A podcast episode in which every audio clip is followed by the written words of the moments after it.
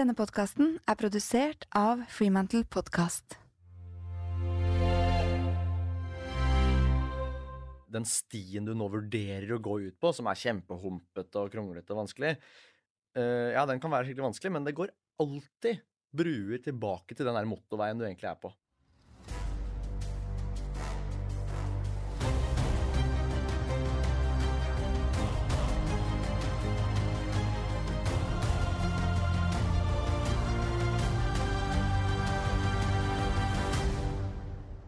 Jeg er mentaltrener Cecilie Ystenes Myhre, og i podkasten Grit skal jeg gi deg noe av hemmeligheten bak suksessen til ulike fremadstormende mennesker. Mennesker som har grit. Dagens gjest er Martin Schutt. Martin er utdanna siviløkonom fra NHH og kjent som medgrunner og managing partner i investeringsselskapet og oppstartsmaskinen Askeladden og Co.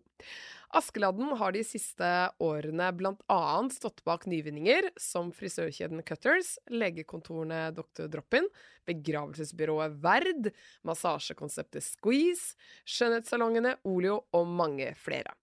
Å være seriegründer i dag, det krever masse grit, og jeg gleder meg til å lære mer om hvordan Martin prioriterer, hvilke mentale teknikker han anvender i hverdagen når utfordringer melder seg, og ikke minst om hvorvidt Askeladden rekrutterer konkret etter grit-egenskaper.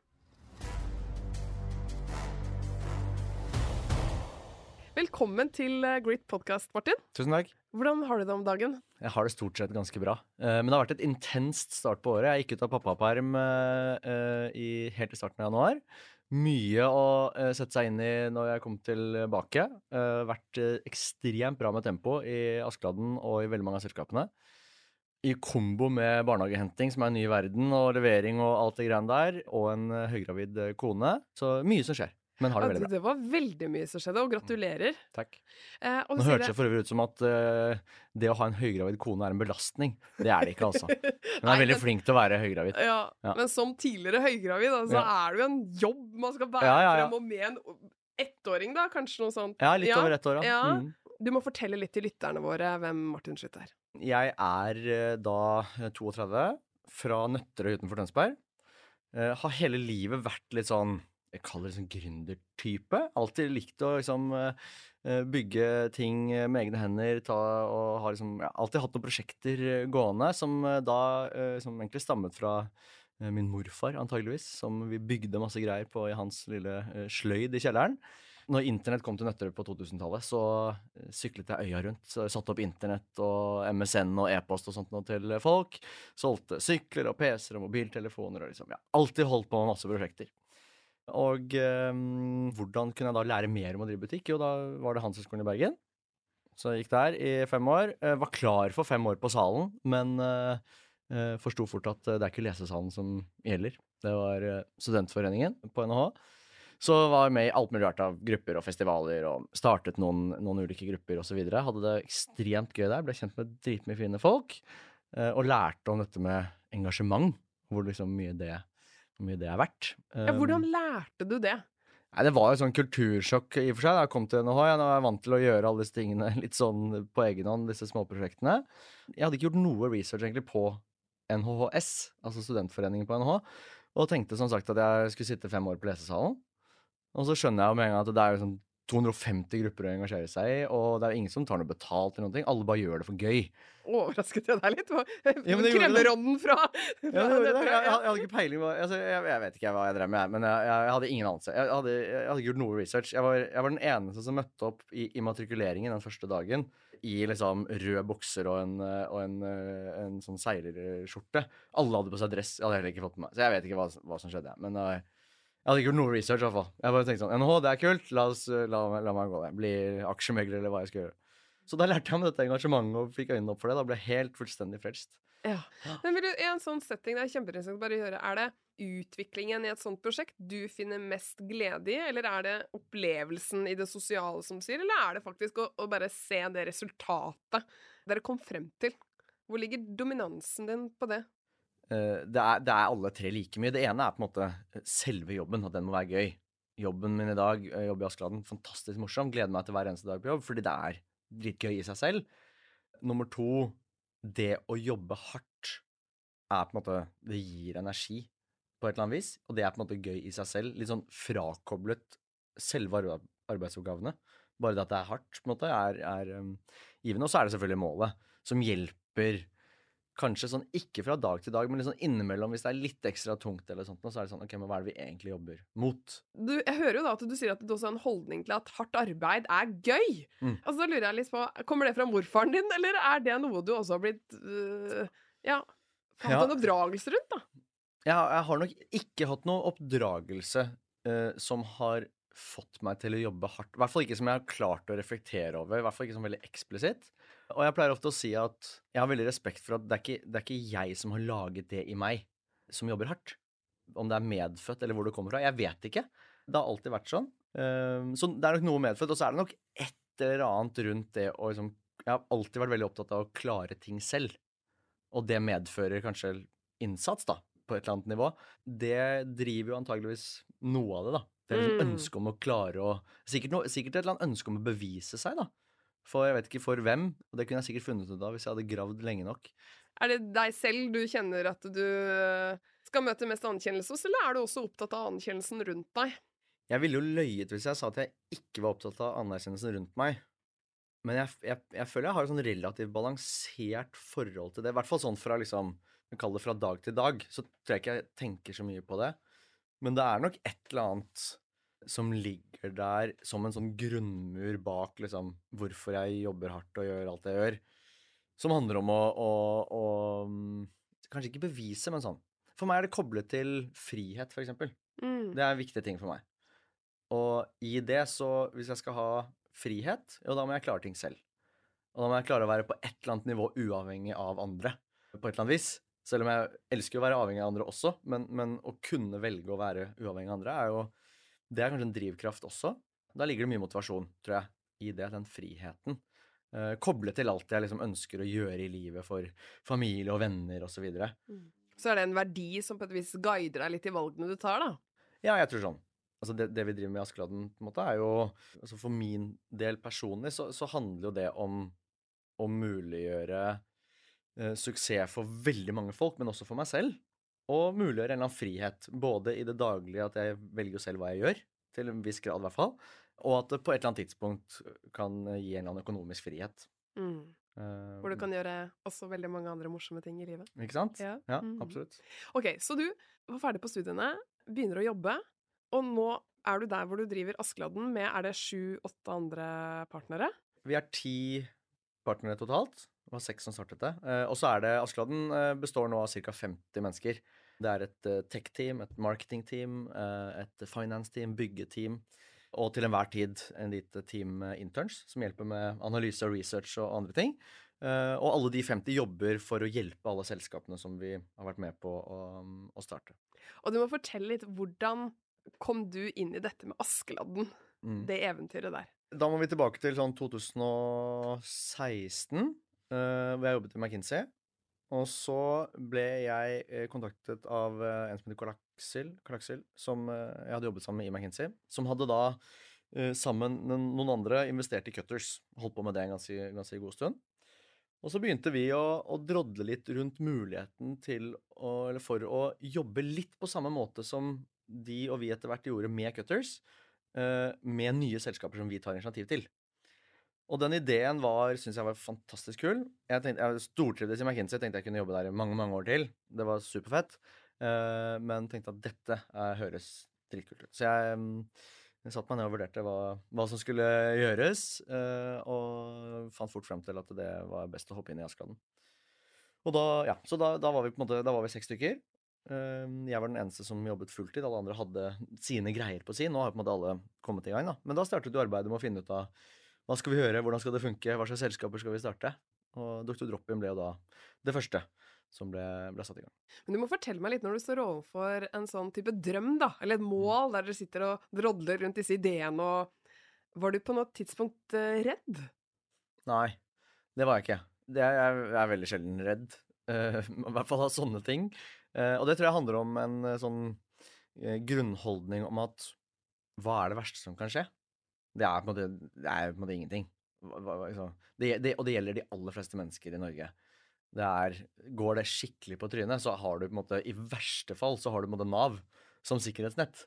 Og i liksom more likely scenario så kan du gå tilbake til gamlejobben eller andre ting. Så, eh, og, det, pleier jeg også å si til, til folk som, som, vurderer å bli med på å jobbe i et av selskapene, eller være med å starte et av selskapene.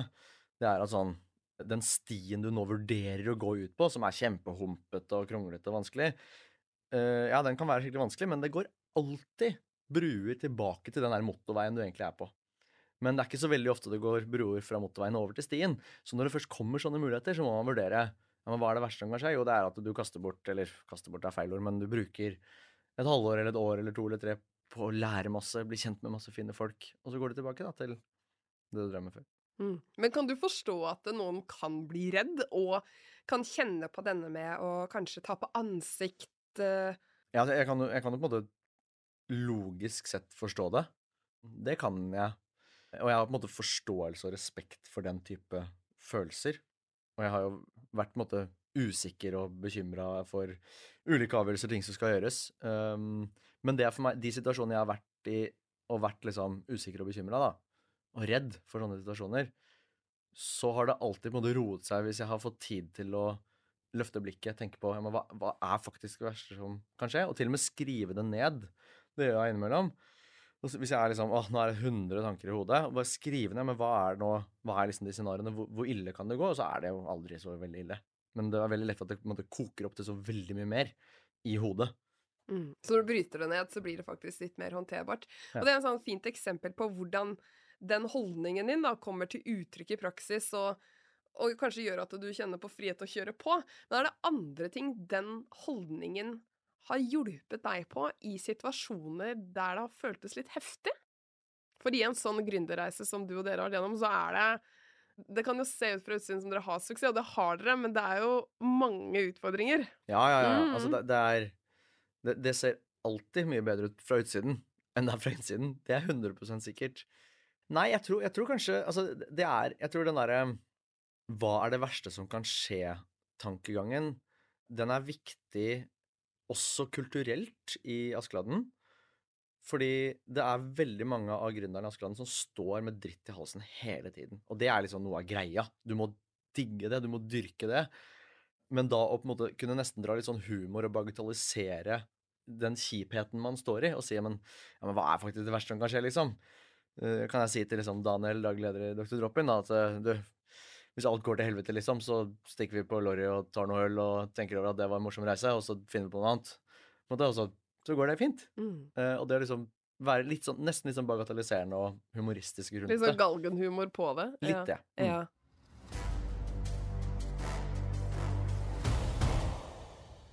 Hver helg så gleder jeg meg litt ekstra, for da er det tid for påfyll.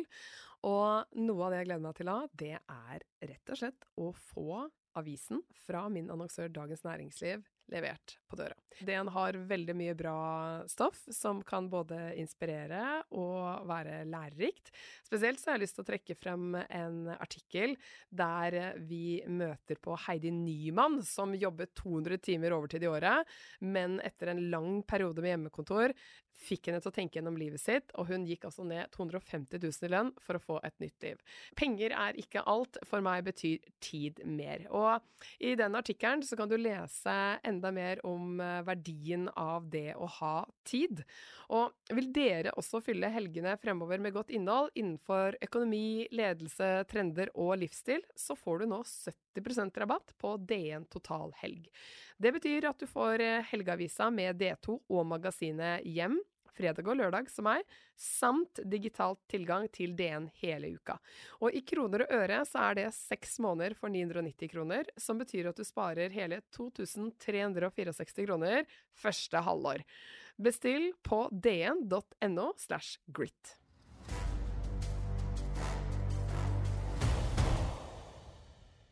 Du, hvilke andre styrker vil du si at du har, og som du kjenner nå etter å ha hatt erfaring med dette her også, da, har vært liksom avgjørende for å håndtere og tåle det å være gründer? Og seriegründer? Altså utover den derre 'hva er det verste som kan skje'-tanken? Ja. Nei, altså relatert til den, så er jo det på en måte det som vi snakket om i stad med å jobbe hardt, da. Det tror jeg eh, antageligvis uh, som vel denne podkasten uh, bygger sitt fundament på, er en viktig egenskap som, som, eh, som sagt, som jeg, har veldig respekt for at ikke er jeg som har laget. Jeg, jeg på en måte kan ikke noe for. Men At jeg jobber tenker du da, Martin, at det er litt sånn født sånn, blitt sånn? Altså til en viss grad. Jeg tror det er en eller annen sånn grunnmurs-grit som er der. Og så kan man, altså, og det her, dette kan jeg jo ingenting om, da, men, men jeg vil bare forestille meg at det er sånn, det er en grunnmurs-grit, og så kan man sikkert øke eller senke det litt, avhengig av hva man gjør, og kan sikkert øke eller senke det mye også, da, avhengig av hva man gjør, men, men at eh, alle er født med et eller annet nivå. Litt sånn som lykke. Det er, sånn- nesten ingenting du kan gjøre for å påvirke lykkenivået ditt. Noen er bare født ulykkelige, andre er født lykkelige. Eh, kanskje det er litt sånn med òg, da. Og så er det selvfølgelig jeg, Det er mange år siden jeg på en måte oppdaget det å jobbe hardt, og at jeg liker det. Og så dyrker man jo det man liker, selvfølgelig. Så det blir på en måte en god spiral. Mm. Men jeg vet jo at det, i Askeladden så er det, og dette er bare gjennom det jeg har lest, så her får du arrestere meg hvis jeg tar feil, men dere er jo litt opptatt av hva slags typer dere rekrutterer inn. Så da tenker jeg, si at det kommer inn en på intervju hos dere, og så ser dere at ok, men hvordan er evnen hans eller hennes til å jobbe hardt? Ja, ikke så høy. Tenk, men enorme skills ellers. Tenker du da at nei, men her er det vanskelig å gire opp et arbeidsgen? Eller hva tenker du i en sånn setting da? Nei, jeg tenker absolutt det. Ja. Så det er um, grit, eller evnen til å jobbe hardt, eller drive, som vi kaller det. Det er, eh, det er på en måte nummer én. Vi ser etter veldig mange forskjellige ting, uh, men, men drive er på en måte Det må du ha. Det Ja. må være der. Det kompromisser ikke dere på. Nei. på. Kompromisser ikke på. uh, og den kan kompensere for så ekstremt mye. Altså om du liksom ikke er så så smart eller så så kommersiell eller så så flink med folk, eller, men bare, du bare aldri gir deg. Jobber hardt, jobber mye. Ok, men da kan du kompensere for ekstremt mye. Og så selvfølgelig, det er masse røde flagg vi, vi, vi prøver å kjøre unna også. Med liksom, du må være flink med folk og opptatt av å være etterrettelig og liksom alle disse andre tingene også. Men uh, du må ha en spike på drive. Ja. Kan du si litt eh, om eh, hvordan du går frem for å finne ut av akkurat det? Ja, det er noe sånn helt innledningsvis i Når folk søker, da, så er jo det, det man Så ser man jo på en måte etter spor av drive på CV og karakterer osv. Det var ikke sånn kjempehokus pokus. Det ligner litt på den typen eh, screening vi gjorde i McKinsey, som er å se etter evnen til å levere bra på flere arenaer samtidig. Og det kan være at du har levert øh, veldig bra på skolen, samtidig som du har hatt noen prosjekter, verv, drevet med toppidrett andre ting. Okay, men da, da har du beviselig evnen til å skape gode resultater på flere arenaer samtidig, og det krever i de aller fleste tilfeller ganske mye drive. Vet ikke at det er liksom Det kan hende at personen bare er liksom gudsbegavet med 250 IQ og øh, Ikke sant? Men, men ja, det er i hvert fall det første. Og så er det jo i de første intervjuene å høre med denne personen hvor reflektert vedkommende er rundt hvorfor han eller hun har gjort det han eller hun har gjort, hva som har drevet vedkommende. Og der også liksom, så, så får man, man får litt inntrykk av å prate med en person hvor mye gass som sitter i denne personen. Og det, det, er, litt sånn, det er litt sånn se etter gnister i øynene, på en måte. Ja, det var en sånn fin måte å si det på. Hvor mye gass det er i en person. Det var veldig bra sagt. Men du, når man skal på en sånn reise som det du har vært på, så kommer man ikke seg utenom at man gjør feil. Mm. Eh, Så jeg er jo veldig interessert i å høre på både hvordan du ser på det å gjøre feil, og noe av det jeg tenker vi trenger mer av i dette samfunnet, altså er konkrete eksempler på hva suksessfulle mennesker konkret har gjort feil på, Mm. og hva de har lært av det. Ja. Jeg tror sånn generelt da, om det å gjøre feil, så er det for meg bare en noen nødvendig bieffekt av å gi gass og, og kjøre på, liksom, og prøve nye veier og Ja. Sånn er det bare. Og hvis du ikke tør å falle, så klarer du aldri å gå. Og hvis du ikke tør å drite deg ut på jobben som 30-åring, så får du heller aldri testa noen nye skills og pusha grensen din. Så det er på en måte den, den klassiske uh, gå utenfor komfortsonen, og, og, og i den, utenfor der, så skjer det feil. Sånn er det bare. For vår del så er det jo altså Det er veldig mange paralleller da, inni, inni vår verden. Nå, for ikke så mange måneder siden, så la vi jo ned to selskaper, eksempel. Det var jo en feil. Vi bomma på flere ting i og for seg, som resulterte i at vi etter hvert måtte, måtte legge ned. Og det er så veldig dritkjipt, spesielt for de personene som måtte jobbe kun med, med de selskapene. For oss så er det selvfølgelig også kjempekjipt. Og så er det noen læringer i det at hvis ikke vi gjør de feilene, ja, men da tror jeg heller ikke vi har tatt nok risiko. Så det er bare, det er en helt naturlig bieffekt, tenker vi. Og hvis vi hadde starta 100 selskaper, og ingen hadde gått over ende, ja, men da, da tror jeg vi har vært for langt innenfor komfortsonen.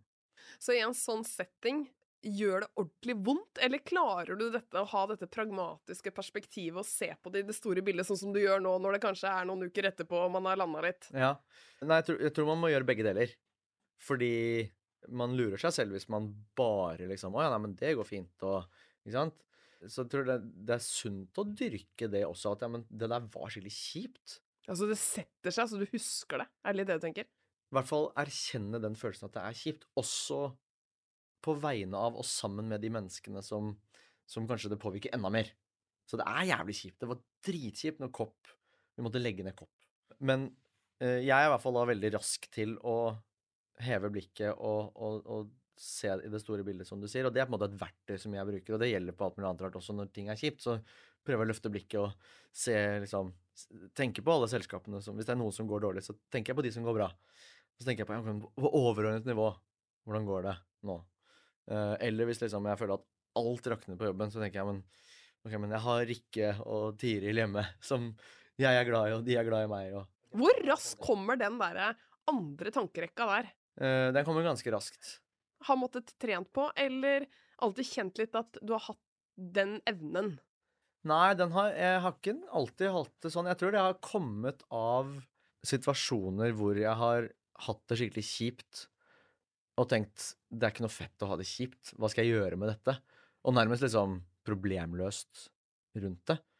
Og så har det nok litt sånn tilfeldig også oppstått som et verktøy, fordi jeg har liksom testet hva, hva gjør jeg nå, liksom, hvis, når jeg har det kjipt, da. Ja, det er å prate med noen, der og tenke på den måten eller tenke på den måten, eller gjøre det, eller så er det mange ting som funker. Men um, har nok oppstått litt tilfeldig. Ja. I liksom, ja, prøving og feiling, egentlig. Så hvis vi kan bare prøve på det tidspunktet her nå, da, i samtalen, og oppsummere litt sånn Hva er det kaller din, liksom, din, din to go to-verktøykasse når du blir stresstestet, da? Mm. Kan du prøve å oppsummere to-tre strategier som ja, ja. lytteren kan ta med seg? Ja, Nei, jeg kan, jeg kan gjøre det. Det ene må være å Dette med hva er det verste som kan skje? Å tenke på hva, hva er det faktisk? Og skrive og det tar, liksom, Bruk fem minutter og skriv ned på mobilen. Hva er det verste som nå kan skje? Og mest sannsynlig er ikke så ille. Nummer to uh, må jo være dette med å løfte blikket, da. Tenke på Ja, det du nå har det kjipt med, er kanskje, da, det er ikke sikkert det er det, men kanskje er det på en måte én bit av et større bilde som overordnet er ganske bra. Og så nummer tre så mediterer jeg. Og det er et fint verktøy for meg, for jeg merker at i perioder hvor jeg ikke mediterer så mye, så lar jeg meg mye rettere vippe av pinnen. Meditere hver morgen, det hjelper meg veldig i å ikke måtte gi meg selv hen til den stressfølelsen eller de, de kjipe tankene som måtte komme. Eh, og så bruke det i, måte, i løpet av dagen. Og bare Ok, nå var det mye. Bare Bruker du en app, eller gjør du det bare mer sånn Nei, jeg bruker en app. Headspace. ja.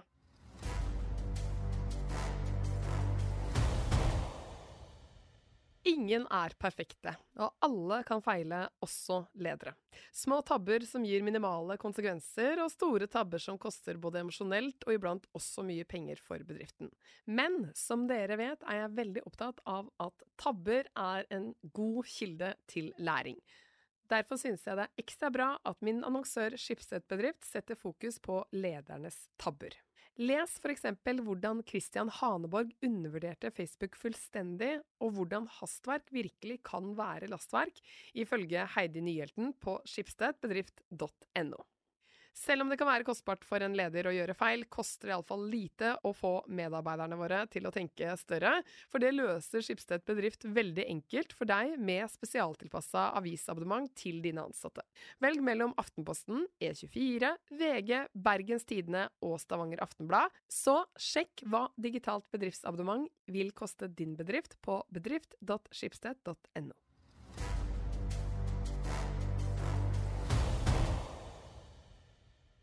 Du sa det, liksom, det handler jo litt om å pushe grensene, se hvor langt kan vi ta det, øke arbeidskapasiteten, kjenne på gassen. Mm. Um, men da også unngå å uh, nå den berømte veggen Ja. og bli utbrent. Mm. Har du lekt med den veggen, eller har du klart på en måte alltid å holdt deg liksom akkurat innafor?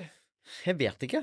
Det er vel kanskje da nei, jeg har ikke lekt med den. Men altså, ja, det er en sånn periode hvor jeg har merket at liksom nå, nå har jeg ikke det overskuddet jeg klarer ikke like lett å løfte det blikket osv. Om det er å leke med veggen, det vet jeg ikke. Jeg har aldri opplevd å ordentlig gå på veggen. Du må ha vært god på å stoppe i tide, men også Ja. har noen kalde strategier, bevisste eller ubevisste, da, som gjør at du når du merker at den kreativiteten mister den eller overskuddet, så gjør du ting for å komme deg på, Ja. på det rette energinivået igjen. Og da mener jeg også å ha lest eh, tidligere intervju med deg hvor du var ganske klar på prioriteringene dine i forhold til tiden din. Mm. Og det er jo relativt vesentlig opp mot det temaet vi er inne på nå, da. Mm. Kan ikke du si litt om Jo. Kall det dine leveregler for å faktisk kunne ha det kjøret du har, da. Ja. Og nå som småbarnspappa. Ja. Ja, nei, det, det tror jeg er kjempeviktig, det med å prioritere hva man bruker tiden sin på. Jeg, jeg har vært veldig opptatt av det veldig lenge, og det har rett og slett bare tvingt seg fram fordi mengden ting som jeg kan bruke tiden på, er så veldig stor. Så jeg blir tvunget, og det tror jeg alle blir etter hvert som man, hvis man jobber i et selskap som vokser, og det, man får flere og flere ar- arbeidsoppgaver osv., så, videre, så så blir man tvunget til å prioritere uh, hva man bruker tiden sin på. Uh, og jeg har en liste som jeg hele tiden fyller på med ting jeg får energi av, og ting jeg ikke får energi av. Eller ting som tapper meg for energi. Og innenfor den tapper meg for energilisten så prøver jeg å finne ut av hva er det som kan delegeres eller gis til andre, som kanskje får energi av den tingen. Og så er det selvfølgelig noen ting som bare må gjøres. Men å være den listen veldig bevisst og jeg kan også på en måte, øh, se gjennom kalenderen min og tenke ok, nå er det faktisk nå er det unødvendig mye som jeg ikke får energi av. Så tar jeg noen ganger sånn sjauer, og så rydder jeg opp, og så sier jeg nei til noen møter eller kaffer eller hva enn det skal være for noe. Og da får jeg mye mer energi tilbake med en eneste gang. For jeg tror det er veldig lett å havne i den derre Man blir bare et resultat av andre menneskers requests. Og så sier man ja, og så plutselig så Å, faen, jeg har brukt liksom halve uken på masse greier. Så du tar sånne skjerver? Det var veldig bra sagt. At Jo, du bare ja, rydder opp, ja. Bare rydder opp. Ja. Ja. Og, det, og det er kanskje koblet til de gangene hvor jeg har kjent at nei, faen, nå, nå kommer ikke de der gode ideene, og nå har jeg ikke den der kreativiteten og overskuddene. Da må jeg bare, da, da må jeg bare ta en fot i bakken, clear ut noen dager, bare gjøre ingenting kanskje en dag. Gå, gå tur i fem timer, trene alene uten å høre på noen ting. liksom Bare koble fullstendig vekk. Er det lett for deg å ta den sjauinga, eller sitter den litt langt inne opp mot, kall det liksom ja, forpliktelsen til at du har sagt ja til noen møter, videre? Ja, den, altså, du må på en måte veie hvem du skal Du kan ikke bare liksom si nei til alle møter. Du må jo Nei, men Alternativet liksom uh, flytte på det eller andre ting, da. Men um, uh, altså det, det, det beste er jo på en måte å ikke si ja, da, i første omgang. Selvfølgelig, hvis det er ting du ikke har lyst til å bruke tid på. Uh, en sånn klassiker for meg, som, som, som også er gjengitt i noen intervjuer, er sånn kaffeprater. Som det er nå, nå har det i og for seg roet seg litt ned, antageligvis fordi jeg har nevnt det i så mange intervjuer og sånn. Men det er, det er veldig mange mennesker der ute som er veldig glad i å invitere folk på kaffe uten noe konkret mål og mening med den kaffen. Eh, og det er sikkert kjempehyggelig hvis man har veldig mye tid til det. Uh, og for meg så har det vært uh, Det var litt sånn hyggelig sånn helt i starten av Askeladden, og så, så ble det veldig mye. Og så har jeg bare kutta helt fullstendig ut på det. Ja, For det- jeg merket at det begynte å tappe energi. Ja, det er veldig gøy, for jeg vet ikke om du husker men jeg har faktisk vært en av de Ja, nettopp, som har spurt deg om det. Ja, der kan du For jeg tenkte det er jo kjempegøy å ta en kaffe med deg. Mm, ja.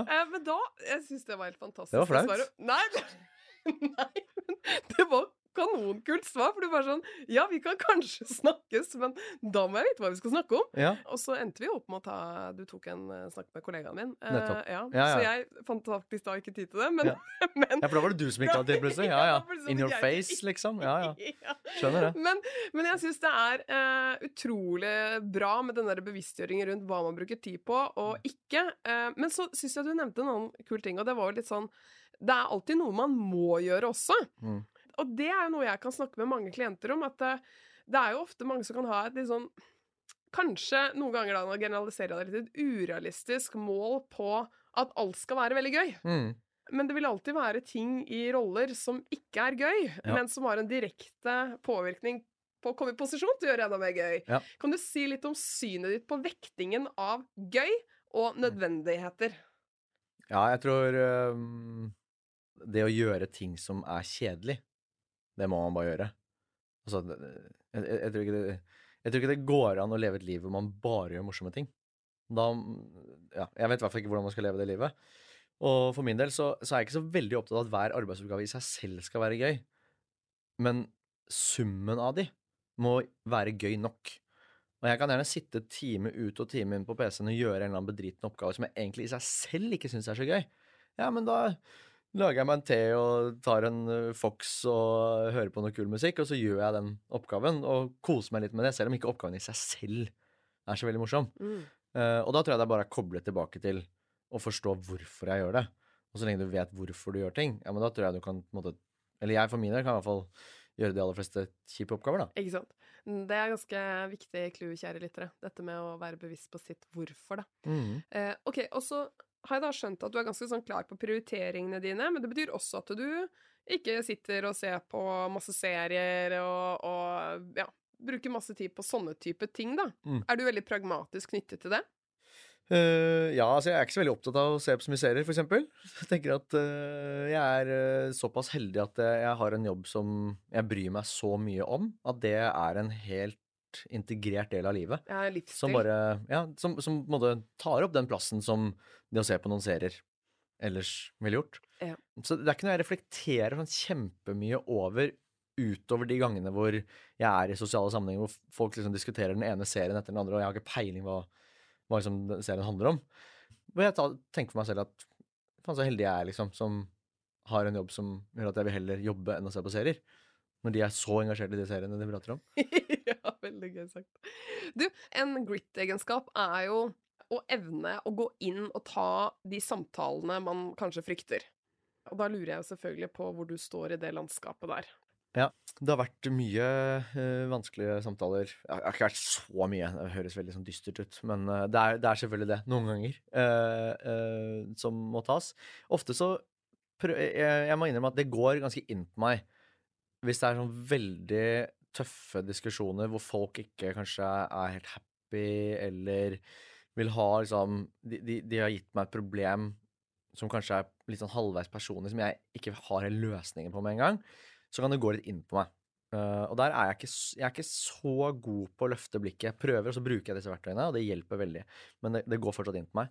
Men eh, der igjen så kan jeg også få energi av at OK, men det her er et problem som jeg ikke har peiling på hvordan jeg skal løse.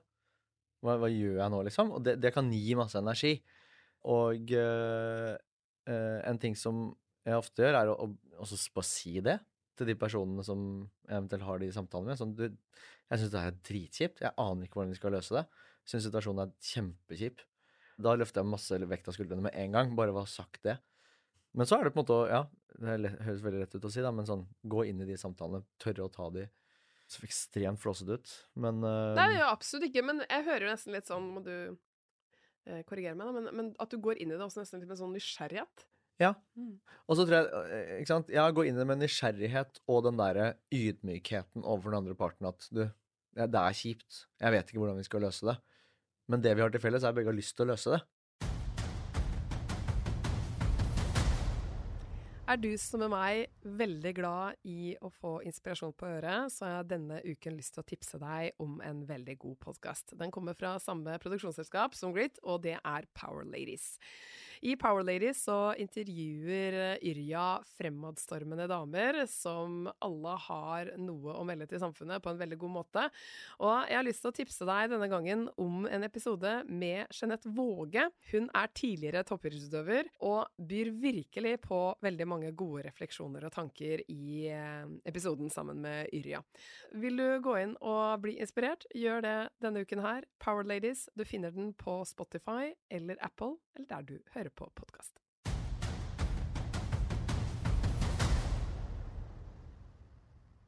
Forberedelser. Mm. Mye selvtillit kan jo bli bygget på forberedelser vi har gjort. Hvis vi Mm. kommer inn i settinger og er lite forberedt, så kan vi kjenne å shit, men jeg veit ikke hva jeg skal snakke om, jeg vet ikke hvordan tematikk det er, etc. Men, men forberedelser kan jo gjøre oss mye tryggere. Mm. Enten det handler om forberedelser mentalt eller fysisk, eller rett og slett på content og og den, den delen. Og det, Ja, ja. Er sånn, Har du noen rutiner for uh, hvordan du forbereder deg for å møte arenaen din på en best mulig måte? Ja. Nei, egentlig ikke. Jeg, jeg forbereder meg ganske lite. Eller, det kommer an på settingen, selvfølgelig. Skal jeg holde en stor presentasjon foran veldig mange mennesker, ja, da forbereder jeg meg selvfølgelig, og bruker en del tid på det. Men jeg er sånn relativt flink på å liksom kunne hoppe inn i ganske mye situasjoner uten veldig mye forberedelser. Og så går det greit. Men selvfølgelig, kanskje spesielt hvis jeg er nervøs for ting, som jeg selvfølgelig er. Uh, hvis jeg f.eks. skal holde en stor presentasjon, da, ja, men da hjelper det masse å forberede seg. Men jeg bruker ikke så mye tid på det. Nei, men vil du da si at uh, liksom, din forberedelse til å i dag da kunne hoppe litt inn i situasjoner i Askeladden osv. Mm. har bestått av den erfaringen du gjorde deg i studentforeningene og i McKinsey? At det ble litt sånn Der, der fikk du kjørt deg litt, sånn at det nå er det litt sånn Bring it? Er det en hypotese? Jo, litt kanskje. At sånn eh, Jeg har nok vært i mange litt sånn halvekstreme situasjoner, og så gir det selvfølgelig selvtillit at ja, men ok, det gikk fint. Så det, det er kanskje en sånn god sirkel da, hvor man måtte hele tiden kaster seg inn i jævlig vanskelige greier. Og så går det fint liksom 19 av 20 ganger, og da tør du å hoppe inn i de neste 20. Det er nok, det er nok noe, noe der, ja. ja. Det er det. Du rekrutterer jo da etter flinke folk som skal være med på disse eventyrene deres, og du ser etter mye gritty de, hører jeg da.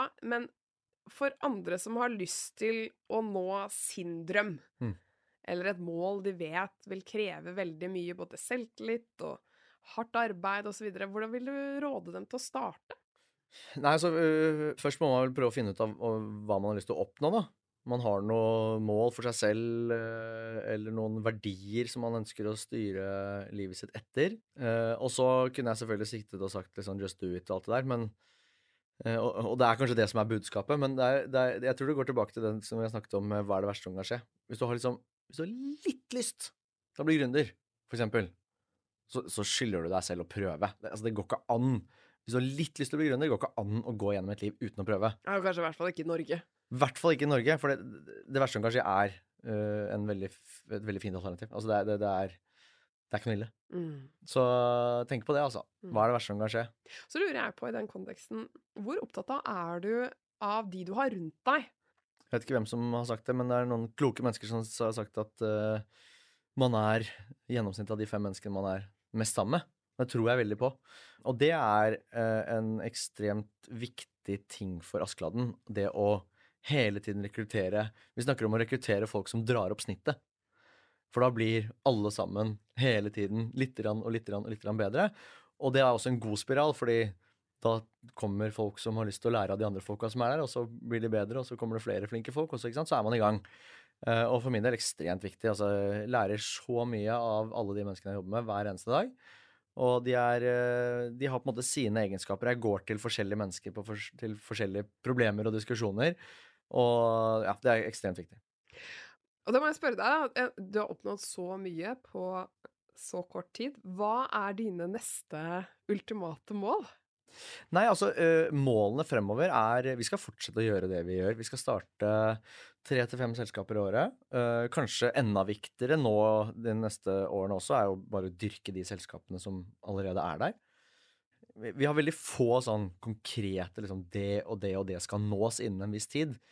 Men så lenge vi kan Så lenge liksom bilene peker riktig vei, folk er happy, vi klarer å skape uh, veldig bra selskaper sammen med fine folk, så er det helt supert. Og hvis jeg oppi alt det der klarer å ha en sånn relativt bra work-life balance og fortsette å omgi meg med fine folk og lære masse, så er jeg dritfornøyd.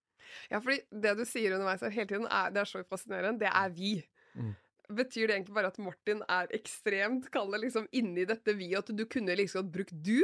Eller eh, har du personlig også noen mål for deg de neste 10-20 årene som det hadde vært sånn gøy å hørt om nå helt på tampen?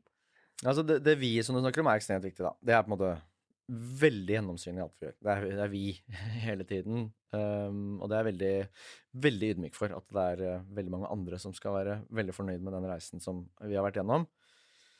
Men mål for min egen del Jeg har ikke noe sånn kjempemål, altså. Det høres sikkert litt sånn uh, traust ut, men uh, eh, Og jeg tror liksom det er litt også koblet til det derre hva er det verste som kan skje-tanken. Om at hvis jeg har et sånn relativt nøkternt liv Jeg, sånn veld, jeg blir ikke liksom dritskuffa hvis ikke jeg blir milliardær innen jeg er 35, på en måte.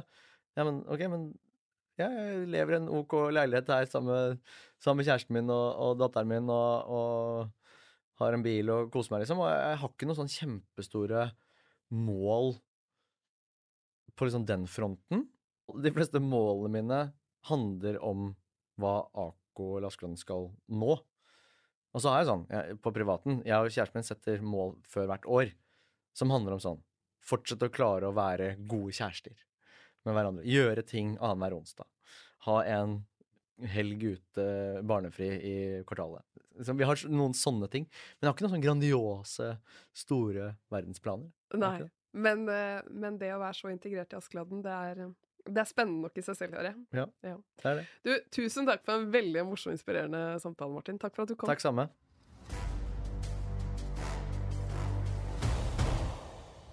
Det var samtalen med Askeladden-gründer Martin Schytt.